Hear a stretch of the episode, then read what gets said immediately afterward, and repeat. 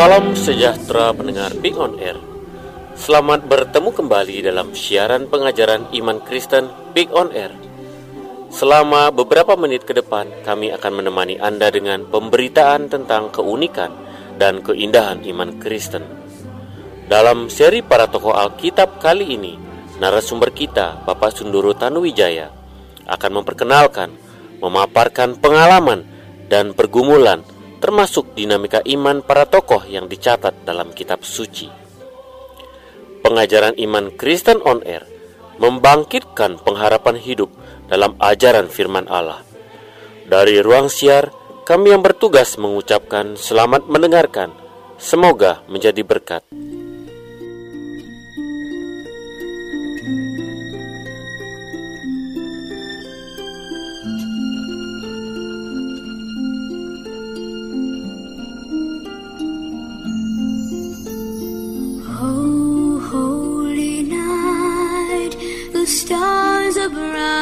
Shining. It is the night of our dear Savior's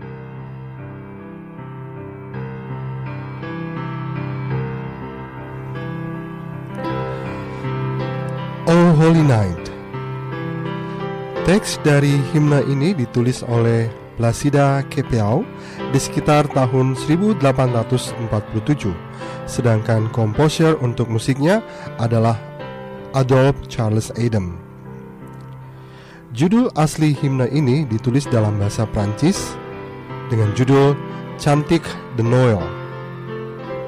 Syair dari himne Cantik de Noel ini kemudian diterjemahkan ke dalam bahasa Inggris menjadi Oh Holy Night oleh John Silvican Dwight yang hidup sekitar tahun 1812 sampai tahun 1893. Capio adalah seorang pedagang anggur dan pernah menjabat sebagai gubernur di salah satu provinsi di negara Prancis. Ia menulis puisi hanya untuk sekedar kesenangan pribadi. Placida Capiau yang hidup di tahun 1808 sampai 1877 lahir di Prancis. Pada usia 8 tahun, tangannya diamputasi melalui suatu proses pembedahan akibat kecelakaan tragis menembak. Meskipun cacat, ia pergi untuk memenangkan penghargaan sebagai artis dan jurnalis. Selain itu, ia belajar hukum dan mengikuti jejak ayahnya menjadi seorang pedagang anggur. Placid adalah sosial vokal dengan sudut pandang anti-clerical. Pada tahun 1847, saat bepergian dengan kereta pos ke Paris, Placid menulis kata-kata untuk sebuah puisi tentang kelahiran Kristus. Dia menulis puisi itu atas permintaan seorang imam paroki setempat dan dia menyebutnya Minute Syrian.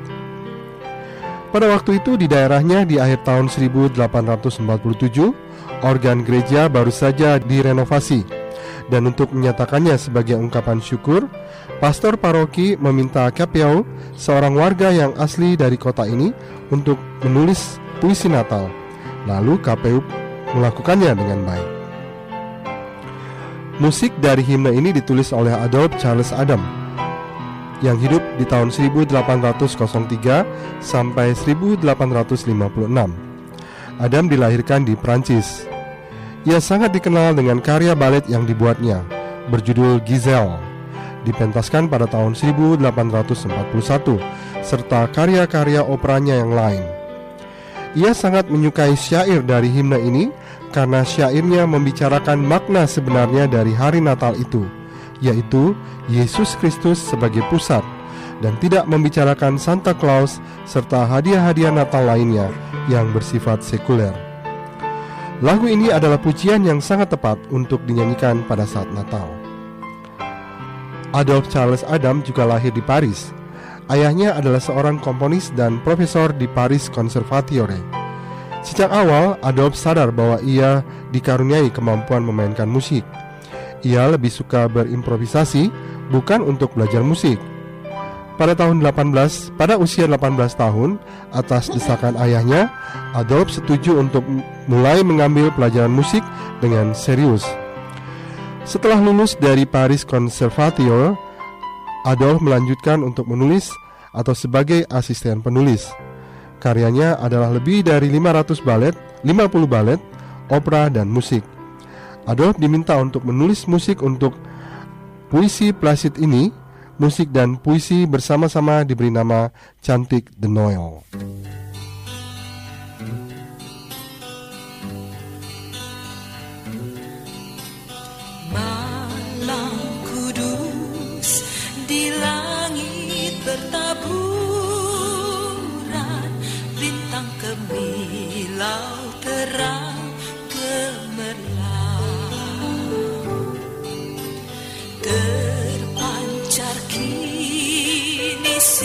sinar pengharapan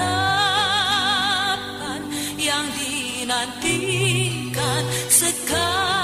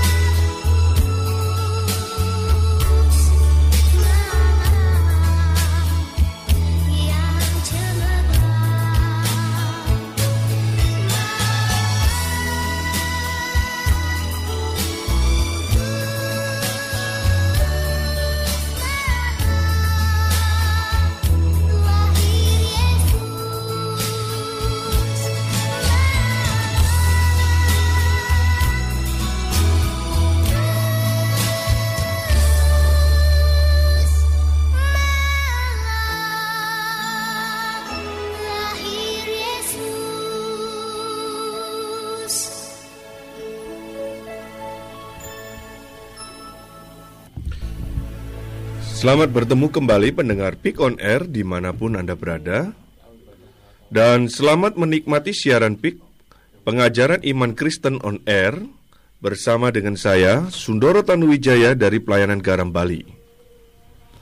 Program Pick on Air ini akan memberikan suatu khotbah seri para tokoh Alkitab Dengan pendekatan yang memahami bagaimana pengalaman, pergumulan dan dinamika iman mereka bersama dengan Tuhan Kiranya nama Tuhan kita Yesus Kristus dipermuliakan. Kita sudah membahas empat wanita yang ada di dalam garis keturunan daripada Yesus Kristus. Yang pertama kita sudah belajar sama-sama tentang Tamar. Yang kedua kita belajar tentang Rahab perempuan sundal. Yang ketiga kita melihat Ruth. Dan minggu yang lalu kita melihat Bathsheba. Malam ini kita akan membahas tentang Maria Ibu Yesus. Ada beberapa nama Maria di dalam Alkitab. Jikalau saudara membaca di dalam Alkitab, saudara akan menemukan ada beberapa nama Maria. Ada Maria Magdalena, ada Maria Ibu Yakobus, lalu ada muncul juga nama Maria adik Marta dan Lazarus.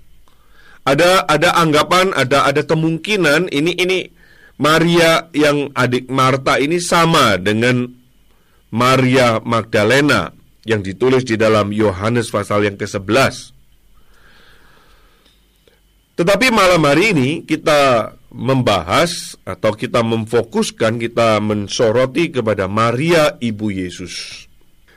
Memang nama Maria Ibu Yesus tidak ada di dalam uh, daftar silsila, tetapi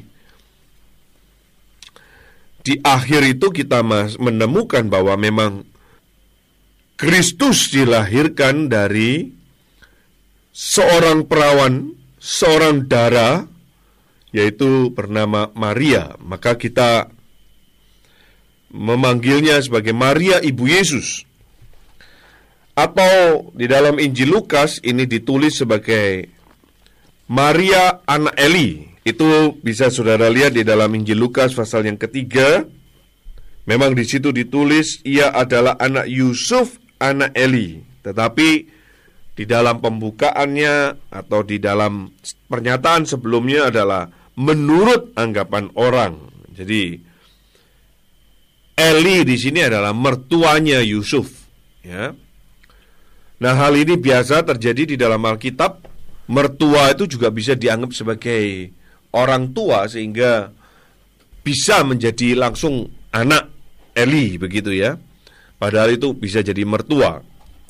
Maka saudara jangan kaget jika menemukan apa yang ditulis daftar di dalam Injil Matius dengan apa yang ditulis dalam daftar Lukas pasal yang ketiga, garis keturunan Yesus Kristus itu berbeda. Hal ini bukan satu hal yang dipertentangkan dan dibenturkan, tetapi hal ini merupakan satu kelengkapan. Mengapa demikian? Karena memang Injil Matius menyoroti dari sisi garis keturunannya Yusuf, bapak daripada Yesus Kristus. Sedangkan Lukas menyoroti dari sisi garis keturunan Maria ibu Yesus itu. Jadi dua-duanya justru melengkapi. Dari sini kita juga menemukan kegenapan daripada apa yang dimunculkan di dalam kejadian pasal yang ketiga 15 bahwa keturunan perempuan itu maka keturunan perempuan di sini adalah keturunan daripada yang tidak ada benih laki-laki. Nah, dalam hal ini kita sekarang bicara dengan Maria ibu Yesus itu.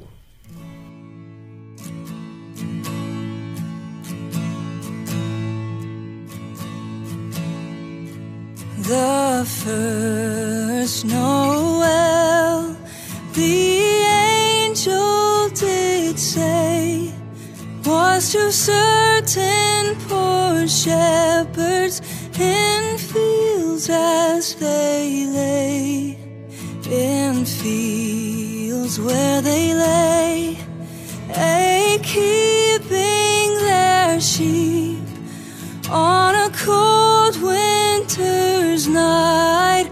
That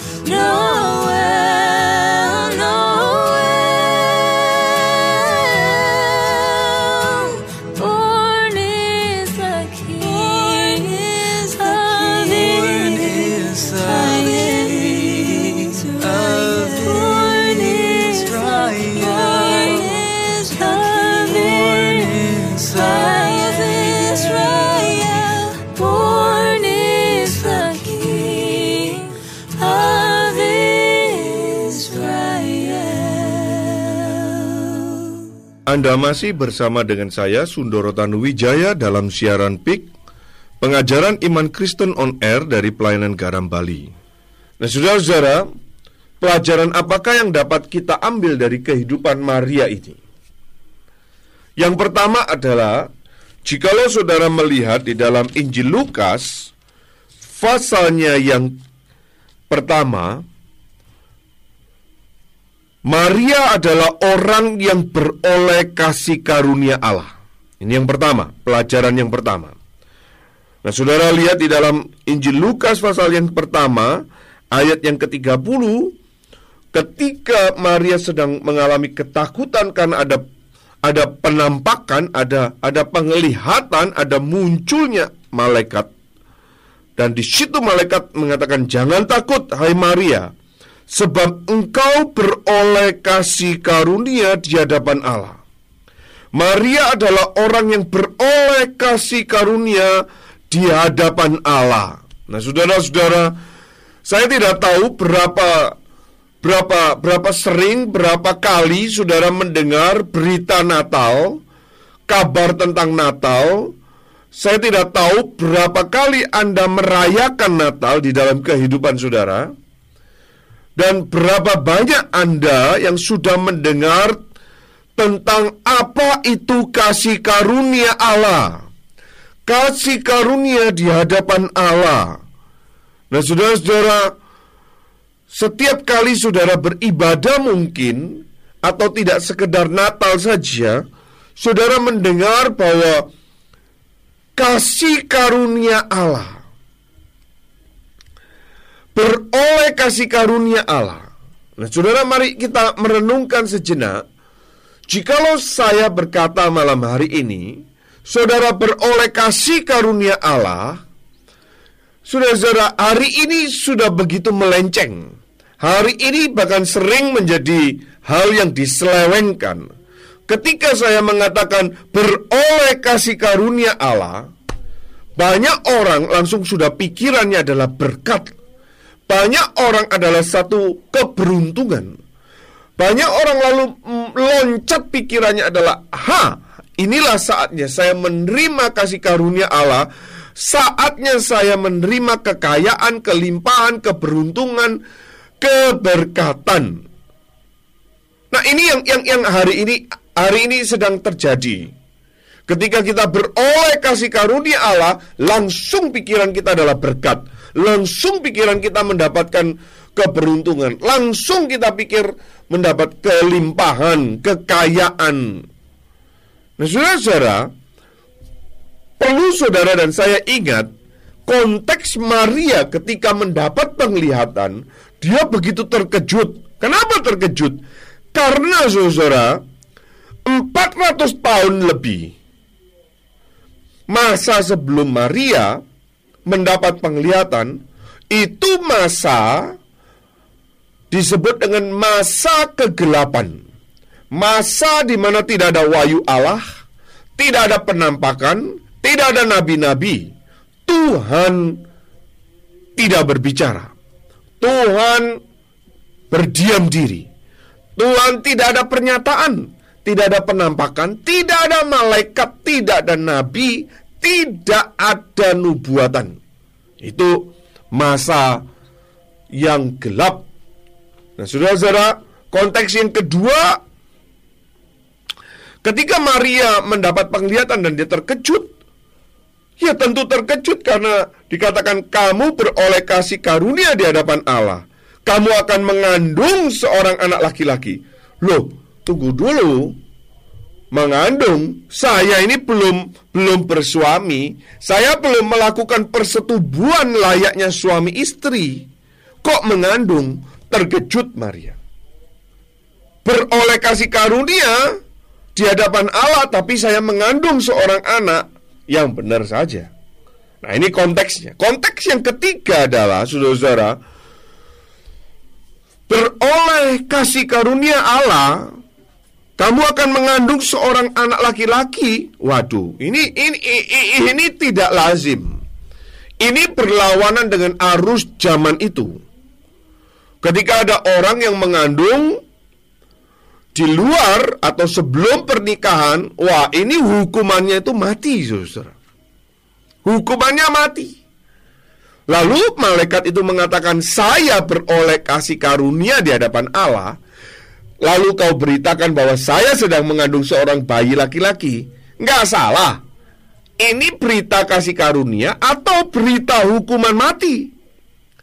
Nah, saudara-saudara perhatikan ini konteks Maria ketika bertemu dengan malaikat itu seperti itu. Nah, hari ini kita melihat pengertian ini sudah bergeser, saudara. Hari ini gereja menangkap kasih karunia itu bergeser. Hari ini orang Kristen menangkap beroleh kasih karunia di hadapan Allah itu bergeser. Bergesernya apa, saudara? Orang tidak lagi peduli dengan dengan dengan Alkitab yang adalah satu-satunya kitab suci. Tidak peduli lagi adalah Alkitab itu adalah wahyu Allah. Tapi saudara-saudara dengan dengan gampangnya mengklaim mendengar suara Allah, mendengar suara Tuhan. Mereka tidak lagi peduli dengan Alkitab, tetapi tetapi dengan gampangnya mengikuti penglihatan-penglihatan, mimpi-mimpi, suara Allah, suara Tuhan. Tetapi mereka tidak peduli lagi dengan kitab suci. Mereka tidak peduli lagi dengan Alkitab. Saudara, mereka tidak terkejut. Sedangkan Maria terkejut, saudara. Wah, jangan jangan main-main loh. Maria itu sadar sekali bahwa Hei, ini 400 tahun selama ini tidak ada loh. Tak pernah ada pengalaman seperti ini. Nah, hari ini saudara bergeser. Bergeser. Orang Kristen dengan mudah sekali menganggap ada orang-orang tertentu yang bisa mendengar suara Tuhan, yang menganggap ada orang-orang tertentu bisa melihat sesuatu, ada orang-orang tertentu yang mengatakan dia punya pengetahuan yang lebih dan dan dan, dan bisa melihat lebih dulu, mereka tidak lagi terkejut. Mereka justru menganggap itulah kebenaran. Itulah kasih karunia Allah. Hati-hati saudara. Ini pergeseran yang sedang terjadi hari ini.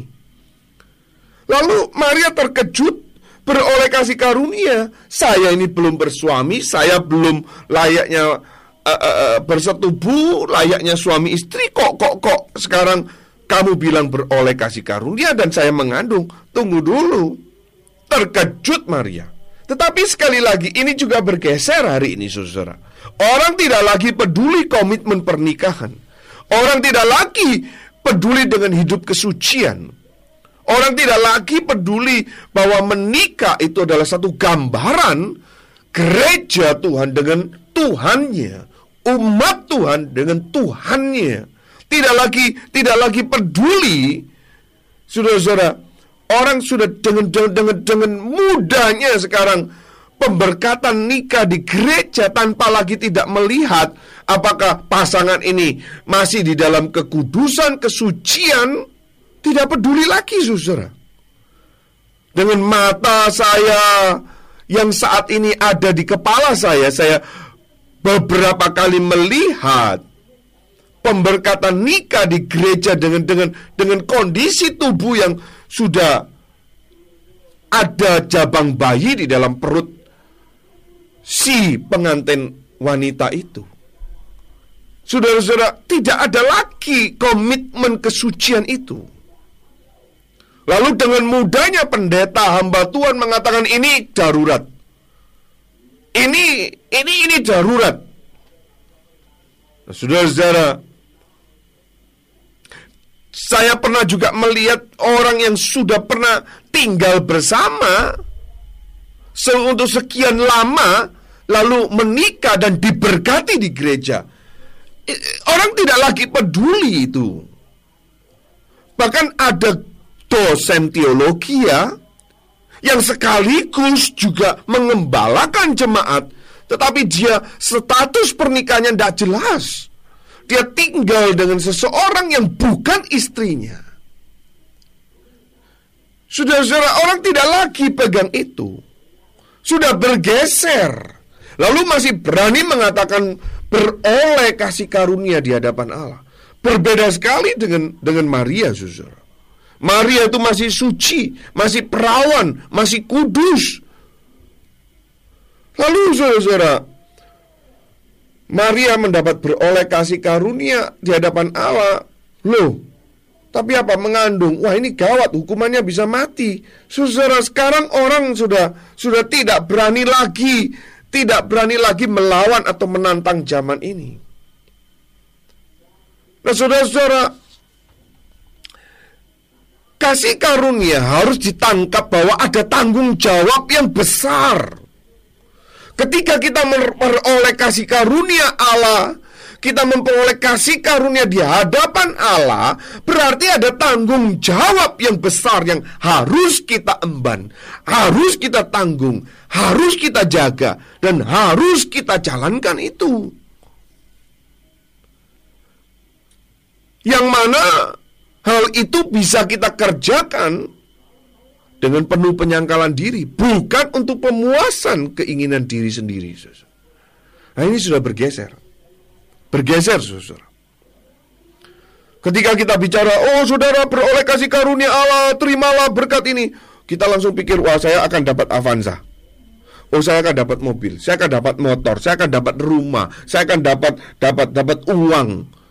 Saudara beda sekali, saudara. Saudara beda sekali. Konteks Maria dikatakan kamu beroleh kasih karunia di hadapan Allah. Kamu akan mengandung. What? Mengandung? Saya belum menikah, tapi saya harus mengandung. Ada tanggung jawab yang besar, saudara-saudara. Lalu, saudara-saudara, ketika malaikat Tuhan muncul dan menyampaikan, "Hai Maria, engkau beroleh kasih karunia di hadapan Allah."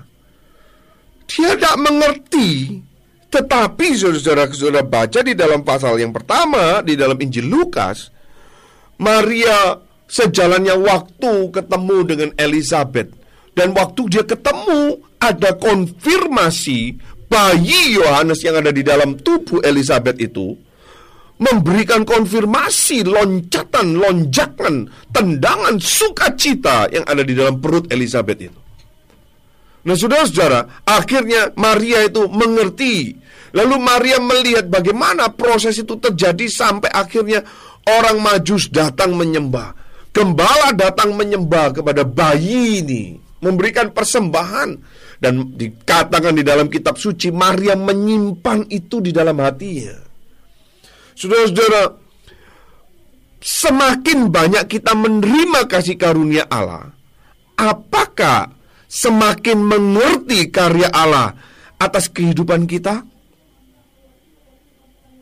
Ini memerlukan progres. Ini memerlukan proses dalam perjalanan kehidupan kita.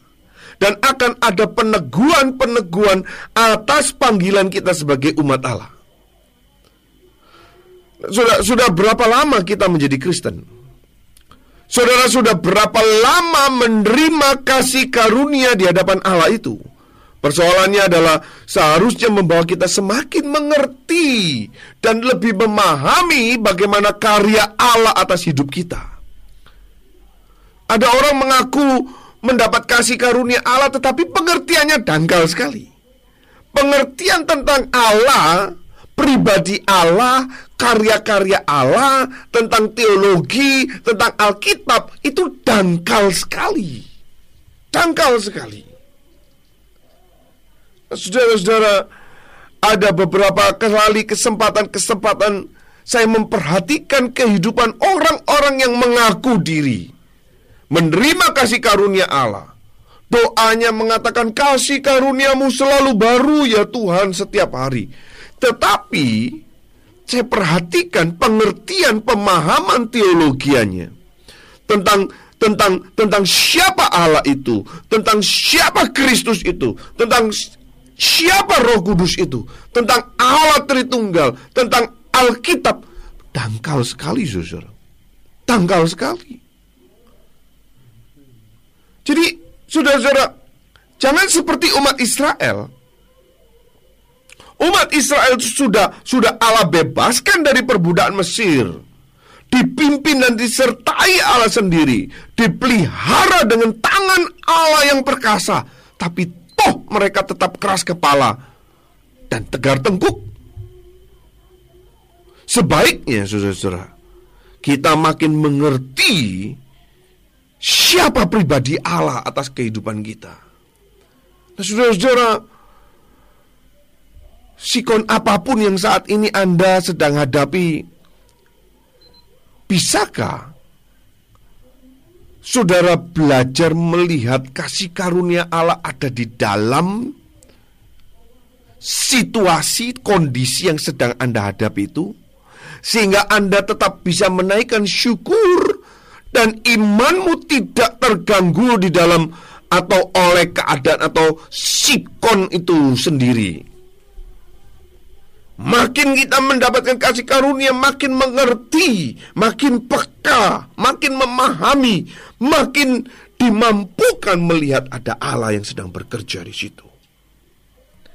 Atau atau dalam keadaan berhasil atau gagal atau atau susah, senang, sehat, sakit, baik, buruk, hujan, kemarau. Saudara-saudara, itu adalah kasih karunia Allah. Kiranya kita dimampukan melihat melihat Allah di balik segala sesuatu itu. Memang sulit saudara-saudara. Saya sendiri pribadi ada bukan ada kalanya, ada cukup sering khususnya kalau lagi setir mobil, lagi di di di, di, di jalan, kadang-kadang melihat orang yang maaf begitu bodoh dalam me, me, mengendarai, saya mengatakan, aduh orang ini goblok sekali.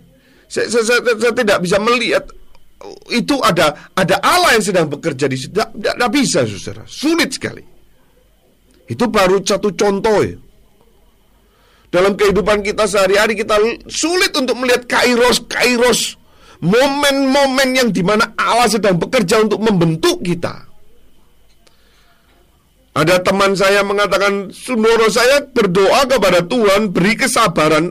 Begitu saya berdoa, amin, saya justru dibuat tidak sabar. Loh, gimana itu cerita?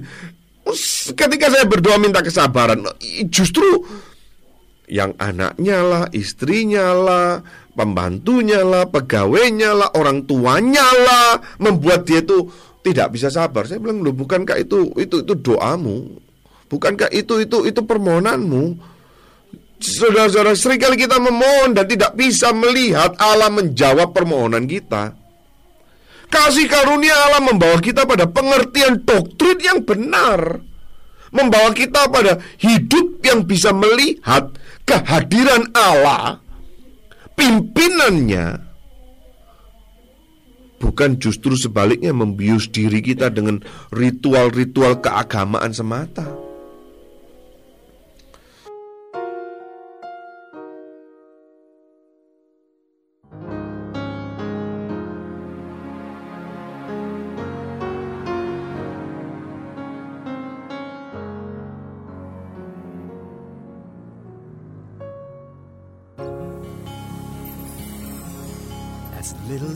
Children, we would dream of Christmas morn and all our gifts and toys. We knew we'd find, but we never realized, oh baby boy, one blessed night gave us the greatest gift of our lives. We are the reason that He gave His life. We are the reason Jesus suffered and died. To a world that was lost, He gave all He could give to show us the reason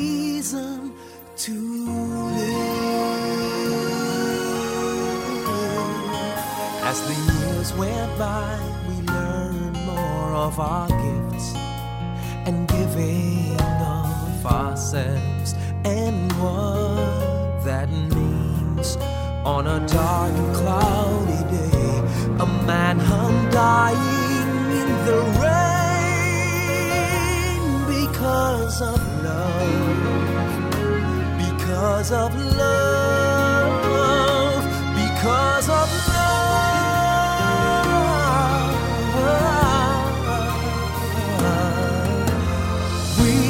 the reason that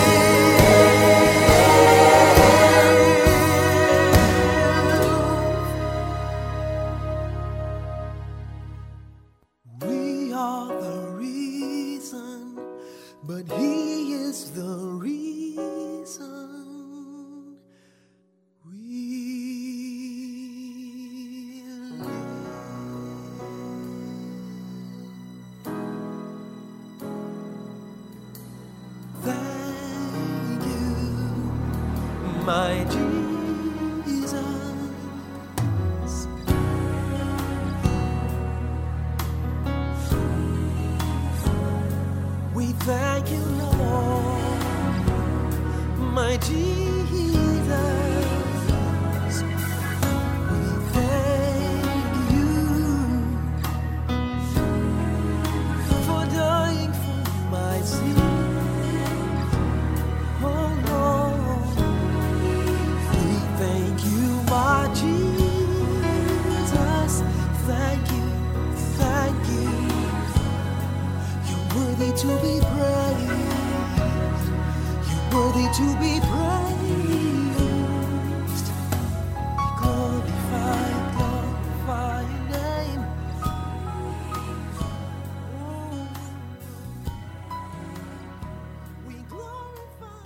Saudara, ketika kita bicara kasih karunia di hadapan Allah tidak tidak berarti kita cuma aktif di gereja. Itu berbeda, dua hal yang berbeda.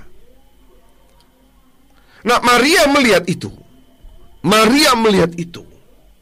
Maka dia berespon mengatakan, "Aku ini hambamu, jadilah kehendakmu." Saudara-saudara, saya teringat saudara, jikalau jikalau Abraham, Abraham Abraham Tuhan minta ya, Abraham persembahkan hartamu. Saya rasa Abraham tidak ada masalah, saudara. Tidak ada masalah. Kalau Abraham sudah pernah dan sudah teruji untuk itu, dia kasih uangnya, kasih hartanya, tidak ada masalah. Atau mungkin Abraham Tuhan mengatakan Abraham persembahkan maafin misalnya misalnya Sarah istrimu kasih Wah, saya rasa lebih tidak ada masalah bagi Abraham karena bagi Abraham ya silakan Sarah sudah tua juga toh. Ini yang bikin saya masalah justru gitu. Tetapi tidak loh saudara. Alkitab mencatat Allah meminta Ishak. Ishak itu yang kau kasihi itu. Saudara Abraham bisa saja berkata kepada Tuhan, Tuhan, bukankah ini anak yang kau janjikan? Bukankah ini yang aku tunggu-tunggu puluhan tahun? Loh, sekarang kamu minta persembahkan itu. Saudara-saudara, ini bukan hal yang mudah. Saya tidak tahu isak-isak apa yang di dalam di dalam kehidupan saudara masing-masing hari ini. Saya tidak tahu. Saya merenungkan pikiran-pikiran ini, saudara. Bisa jadi itu isak-isak di dalam diri saya. Ya, ya mungkin harta saudara.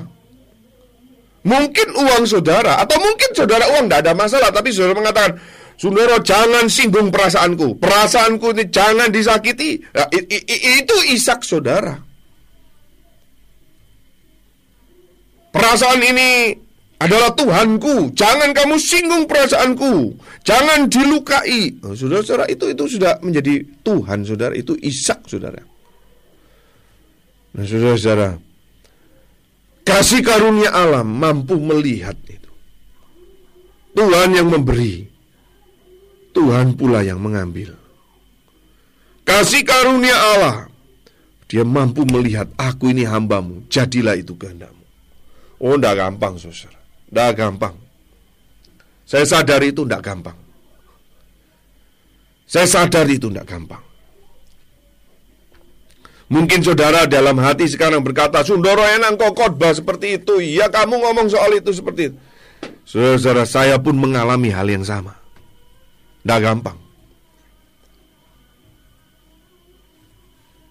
Kasih karunia di hadapan Allah itu poin yang berikutnya ini yang sekarang sedang ber, sudah bergeser di, di dalam kehidupan orang Kristen adalah kalau saudara melihat di dalam konteks Maria beroleh kasih karunia Allah itu memimpin kita pada penundukan diri yang total total submission. Perhatikan apa dan sekali lagi bayangkan konsekuensi yang besar dihadapi oleh seorang Maria mengandung belum bersuami. Wow, ini ini ini konsekuensinya besar sekali. Taruhannya banyak, harganya itu terlalu besar untuk dibayar. Dan tidak gampang, tidak gampang. Tetapi dia mengatakan, aku ini hambamu. Jadilah kehendakmu. Jadilah kehendakmu. Ini benar-benar Maria mau menundukkan diri pada Allah yang telah memberi ketetapan tersebut. Maria bisa saja berkata kalau jangan gitu dong Tuhan. Jangan bercanda seperti itu dong Tuhan. Eh Tuhan jangan canda yang seperti itu. Ini bahaya. Ini saya bisa hukum mati. Ini ini ini ini ini saya bisa di, di, dikenakan pasal ini. Mungkin bukan pencemaran nama baik, tapi tapi ini mencemarkan nama saya sendiri.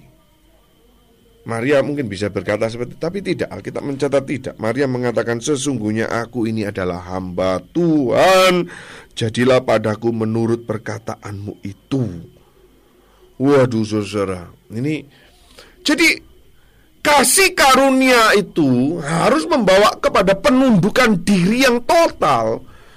Hari ini bergeser saudara-saudara. Saya saya kadang saya juga diri saya masih berproses dan diproses oleh Tuhan dan belum selesai saudara. Saya menemukan ada orang-orang yang senior-senior di dalam ladang pelayanan yang yang katanya itu yang katanya dia beroleh kasih karunia di hadapan Allah, tapi saudara-saudara susah diatur, susah diajak ngomong, susah menundukkan diri. Makin senior makin susah diatur. Makin senior makin susah diberitahu. Saya berdoa kiranya Tuhan beranugerah supaya kelak kalau saya menjadi orang yang senior yang udah berusia lanjut Kiranya itu tidak terjadi dalam diri saya, saudara. Maria Maria berawal dari keterkejutan dan ketakutan tapi berakhir pada penyerahan dan penundukan diri yang sepenuhnya total submission. Nah, saudara-saudara kalau saudara mengaku diri uh, men, men, mendapatkan dan menerima kasih karunia Allah, apakah kita sudah belajar menyerahkan diri dan menundukkan diri sepenuhnya? Nah, saudara-saudara, mari kita tidak menipu atau me, me, me, me, me, manipulasi diri, apalagi kita melarikan diri dari dari apa yang Tuhan mau kita kerjakan. Ingat, bukan apa yang kita mau, tapi apa yang Tuhan mau. Maria adalah pribadi yang menerima kasih karunia Allah. Kasih karunia adalah sesuatu yang bukan untuk kita melampiaskan keinginan diri kita sendiri, tidak. Kasih karunia Allah adalah bukan sesuatu yang yang kita mewujud nyatakan mimpi-mimpi kita, tidak, tidak, bukan mimpi kita.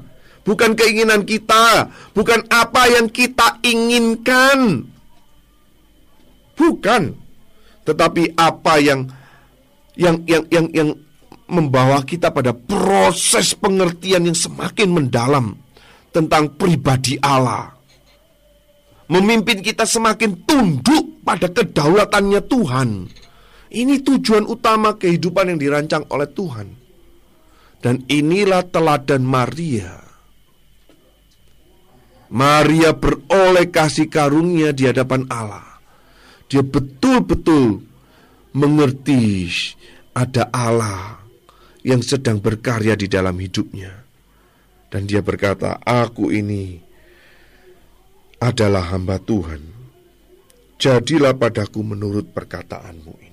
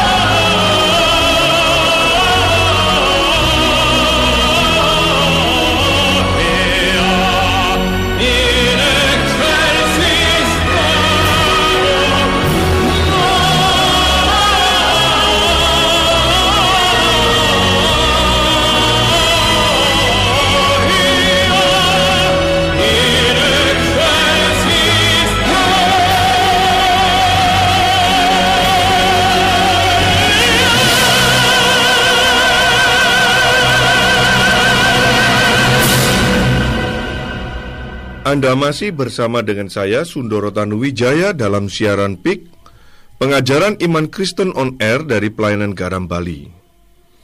Kita sudah melihat poin pertama adalah Maria beroleh kasih karunia di hadapan Allah.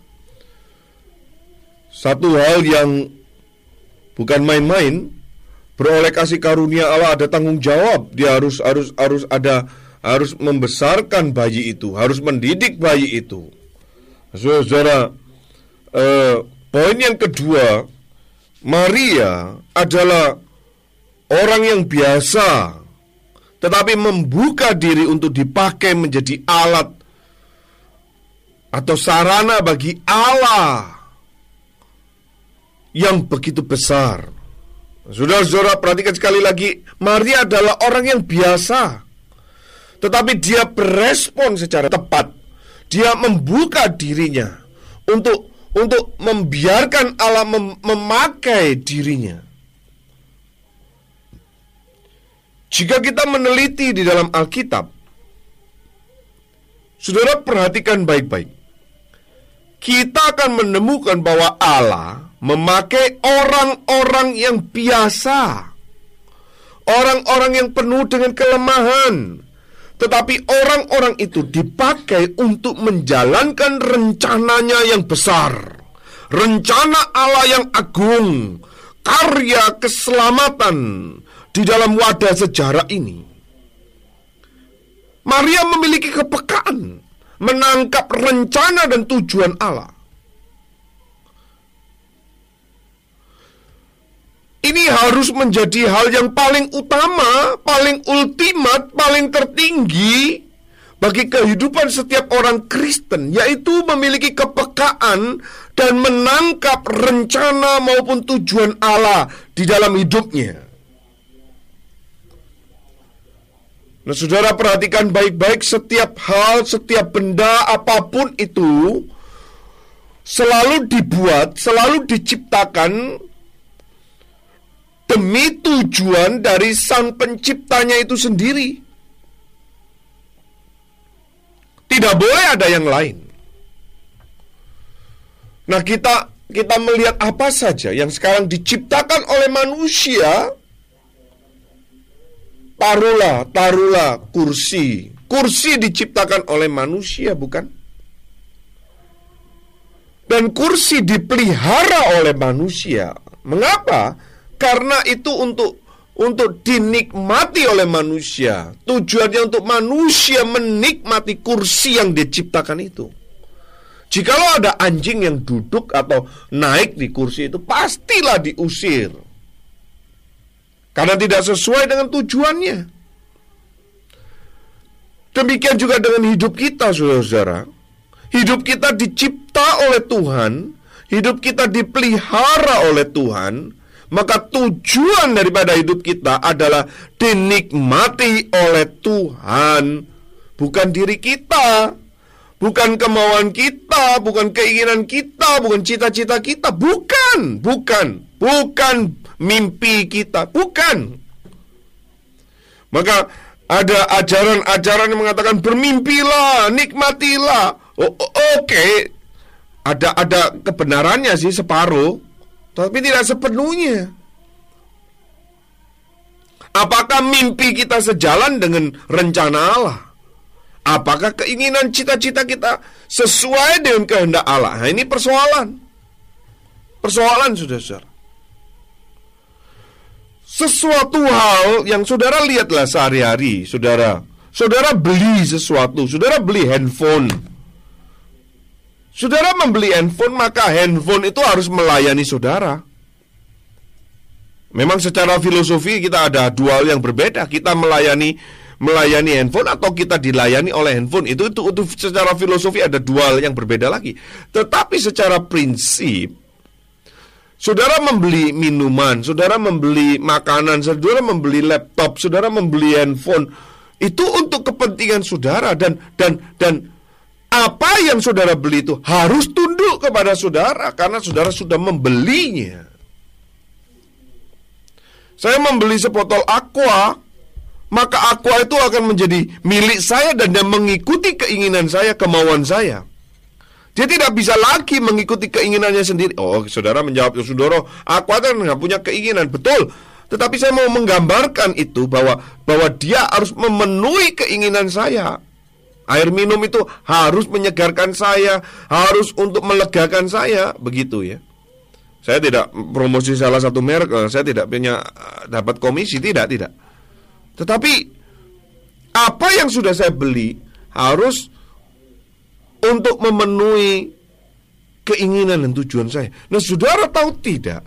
Hidupmu dan hidupku sudah dibeli oleh darah Kristus. Saudara dan saya sudah ditebus. Keberdosaan dan pemberontakan saudara sudah ditebus. Maka Maria sadar ini. Maria ibu Yesus sadar ini dan dia membuka diri mengatakan, "Sesungguhnya aku ini adalah hamba Tuhan." Jadilah padaku menurut perkataanmu itu. Nah, saudara, yang lalu beberapa waktu yang lalu saya melihat TV saudara dan saya membaca di satu satu media uh, masa di koran menarik sekali jika ada seorang artis yang terkenal mencari seorang babysitter. Waduh, aplikasi itu yang melamar itu begitu banyak, saudara. Kenapa mereka begitu bangga begitu senang bisa menjadi babysitter daripada seorang artis terkenal. Waduh, menarik saudara. Jika ada orang yang begitu bangga dan bahagia apabila bisa membaktikan dirinya kepada seorang entah itu bupati, entah itu gubernur, entah itu presiden, Jika ada di antara kita merasa bangga bisa gabung bekerja dengan satu perusahaan yang besar, yang multinasional, yang terkenal, yang internasional. Saudara, betapa betapa bahagianya, betapa bangganya jika kita manusia-manusia yang berdosa ini merelakan dirinya dipakai oleh Sang Allah Kuasa, Sang Pencipta langit dan bumi. Oh, betapa betapa senang, betapa gembira, betapa bahagia, betapa bangga jika saudara membuka diri untuk dipakai menjadi alatnya. Nah, saudara perhatikan sekali lagi dalam kedaulatannya Allah. Allah tidak memakai malaikat-malaikatnya untuk karya keselamatan yang dia rancangkan bagi manusia. Tidak. Ma ma malaikat hanya sebagai utusan. Malaikat tidak mengalami penebusan. Malaikat tidak mengalami redemption. Tetapi Tuhan memakai manusia yang berdosa seperti saya seperti saudara, ma manusia yang terbatas, manusia yang yang yang hina ini. Tuhan mau memakai saudara dan saya. Saudara, kalau saudara memikirkan ini, saudara tidak akan pernah bisa memecahkan persoalan ini kecuali saudara memahami teologi sola gratia. Saudara memahami sola gratia hanya karena anugerah saja. Jikalau saudara mengerti teologi atau doktrin anugerah ini, baru saudara bisa melihat, oh Tuhan, siapakah saya? Siapakah aku Tuhan? Tapi engkau mau pakai. Jikalau saudara mengerti ini, betapa besar kasih Allah akan dunia ini. Sehingga dia memberikan anaknya yang tunggal itu supaya mereka yang percaya tidak binasa, tapi beroleh hidup yang kekal. Saya yakin jika saudara mengerti doktrin ini, saudara akan berkata seperti Maria, Sesungguhnya aku ini hamba Tuhan, jadilah padaku menurut perkataanmu. Paulus mengatakan, Aku tidak mau tahu yang lain kecuali salib daripada Yesus Kristus. Paulus mengatakan ketika dia mengerti doktrin anugerah ini. Dia mengatakan semuanya itu, cita-citaku, keinginanku semua aku salibkan bersama dengan Kristus. Saudara-saudara, jikalau saudara mengerti ini, saudara akan memahami betapa bahangganya, betapa bahagianya, betapa senangnya jikalau saudara dan saya merelakan diri, membuka diri untuk untuk dipakai menjadi sarana anugerah Allah, menyatakan karya keselamatan Allah bagi dunia yang gelap ini. Saudara akan memuji Tuhan,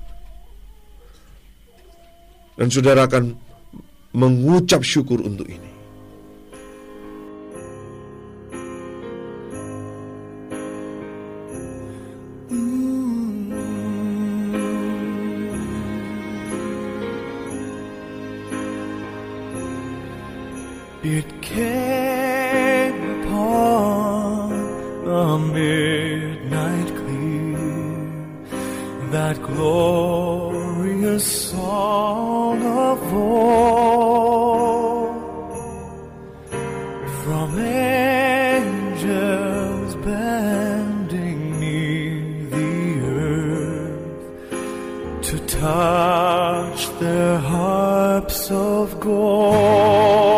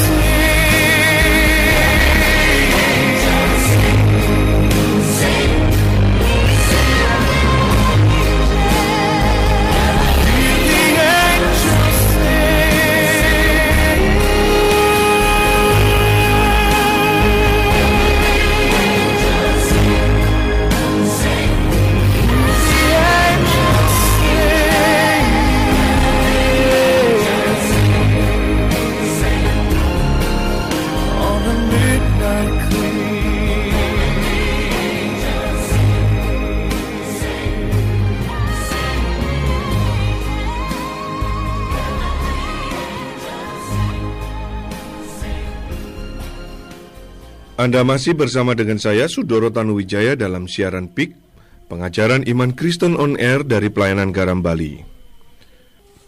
Poin yang terakhir dari ke kehidupan Maria ibu Yesus adalah Maria adalah gambaran pribadi yang paling berbahagia di dunia ini. Maria adalah manusia satu-satunya.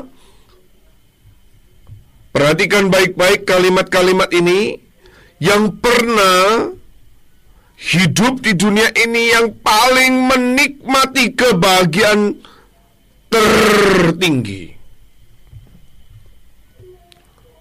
Tetapi saudara jangan lupa kalimat ini dibalik itu Maria adalah juga satu-satunya pribadi yang menyaksikan kehidupan Kristus Yesus saat berinkarnasi mulai dari lahir sampai matinya.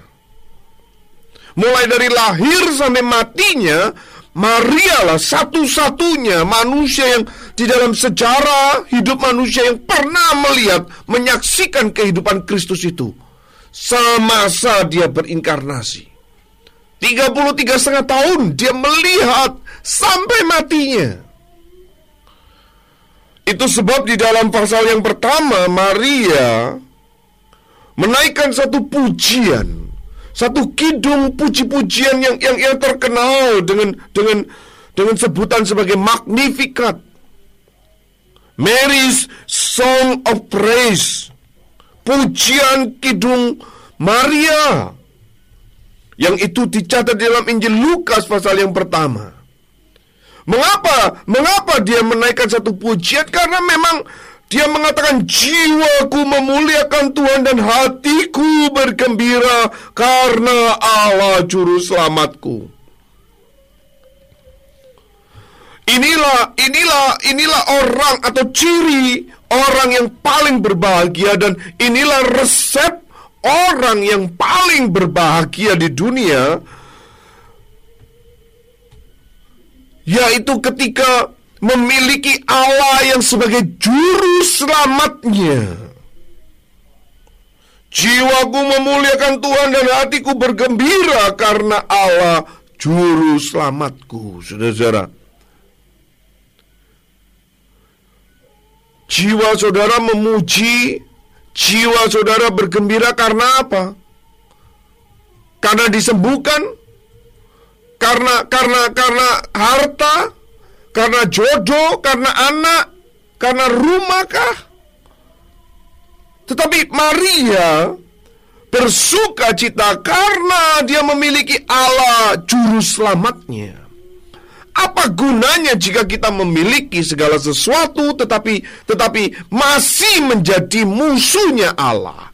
Apa gunanya saudara memiliki segala sesuatu tetapi saudara masih berstatus sebagai God's enemy, musuhnya Allah, lawannya Allah. Saudara-saudara, kalau saudara melawan Allah, saudara, bagaimana saudara bisa melawan Allah? Siapa yang bisa bisa menyelamatkan kita? Siapa yang dapat menyelamatkan kita jika kita ada musuhnya Allah? Uang saudarakah? Bisnis saudarakah? Kekuasaan saudarakah? Kelihayan saudarakah? Kekuatan saudarakah? Nothing. Semuanya itu sia-sia, tidak ada apa-apanya. Maka Maria mengatakan jiwaku memuliakan Tuhan dan hatiku bergembira karena Allah juru selamatku, saudara-saudara. Jikalau saudara memiliki Allah sebagai juru selamat itulah satu kebahagiaan yang tertinggi, yang ultimat yang ditunjukkan di dalam kehidupan Maria. Saudara Maria adalah orang pribadi yang paling berbahagia. Kenapa? Karena dikatakan dia dia mengatakan sebab ia Allah telah memperhatikan kerendahan hambanya. Sesungguhnya mulai dari sekarang sekarang segala keturunan akan menyebut aku berbahagia. Kenapa? Karena dirinya diperhatikan oleh Allah. Siapa sih yang tidak suka diperhatikan? Bukankah manusia selalu mencari perhatian? Bukankah kita lebih sering menuntut orang lain memperhatikan? Menuntut orang lain, menuntut orang lain memperhatikan kita daripada kita memperhatikan mereka?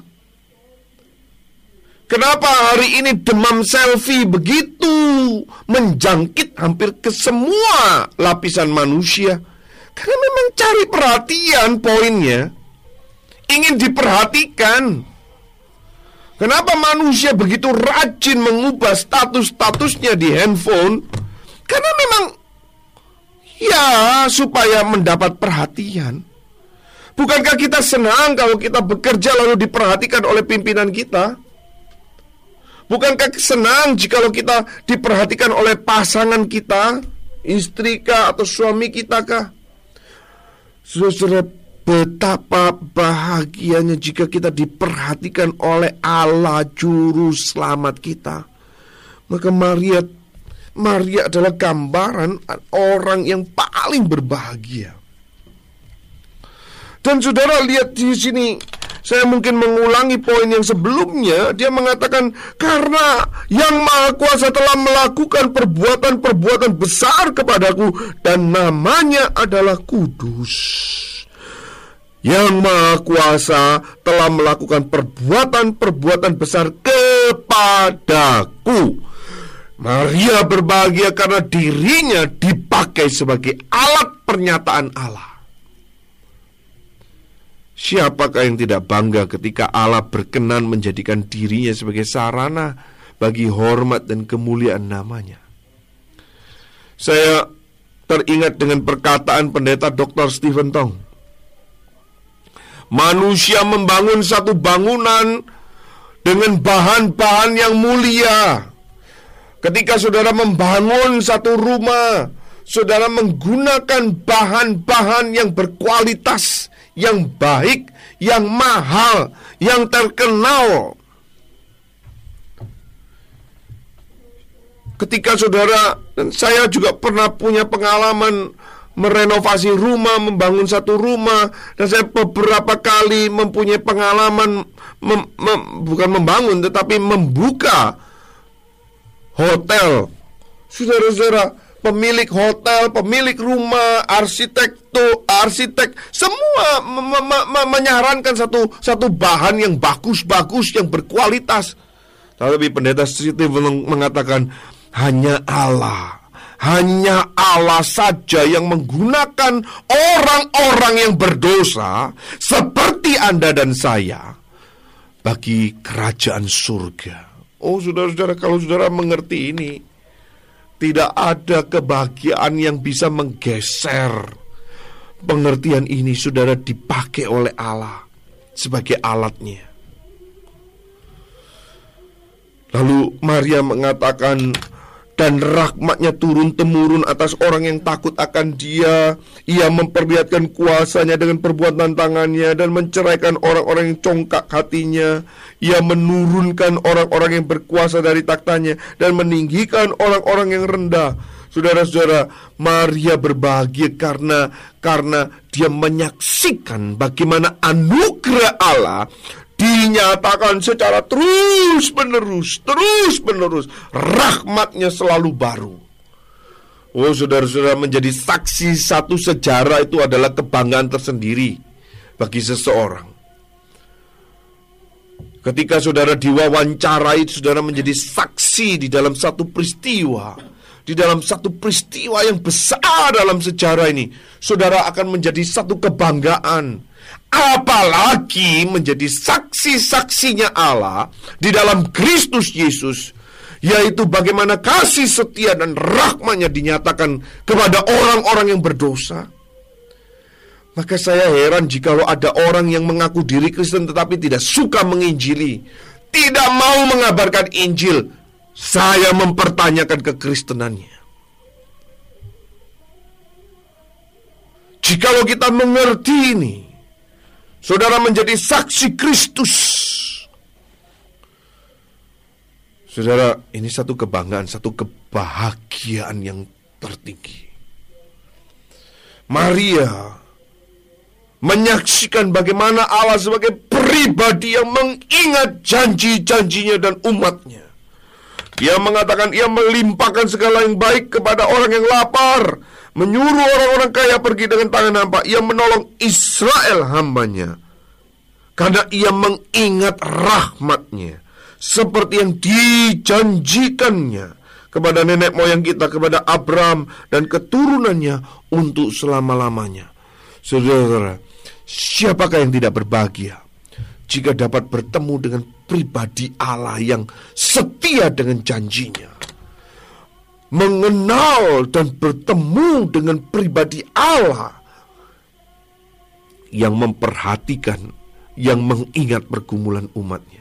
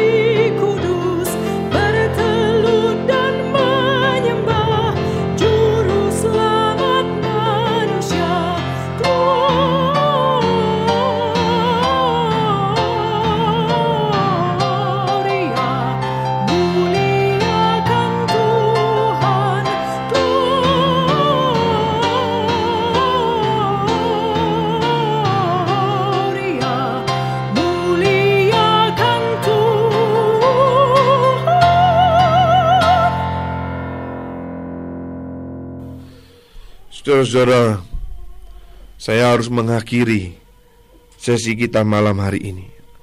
Alkitab mencatat bahwa Maria, ibu Yesus, adalah manusia biasa.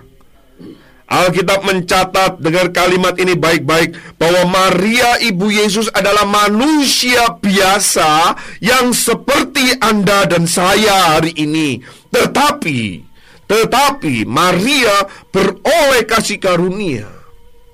Demikian juga saudara malam hari ini beroleh kasih karunia mendengarkan berita ini.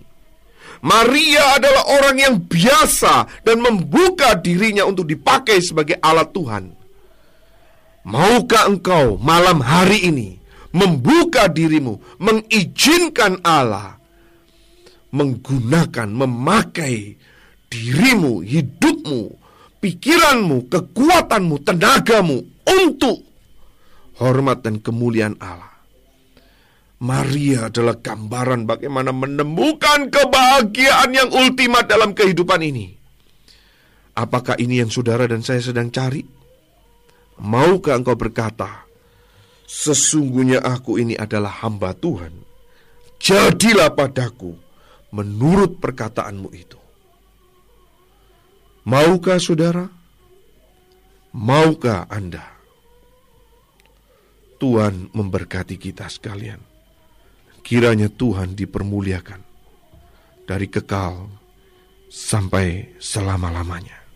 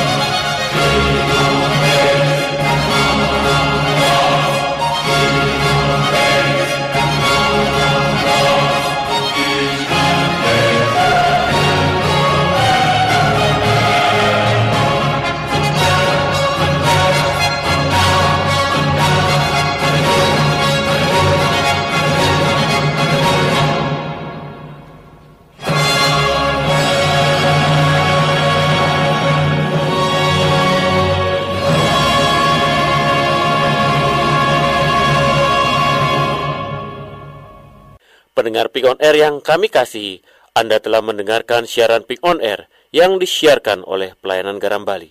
Jika Anda ingin mengetahui tentang aktivitas Pelayanan Garam Bali atau Tuhan gerakkan Anda untuk berbagian dalam donasi dana agar dapat mendukung pelayanan siaran ini lebih luas, silakan menghubungi kami di nomor 085 238 400 900 085 238 400 900 untuk mendapatkan informasi lebih lanjut. Nantikan kehadiran kami di siaran kami berikutnya. Tuhan memberkati.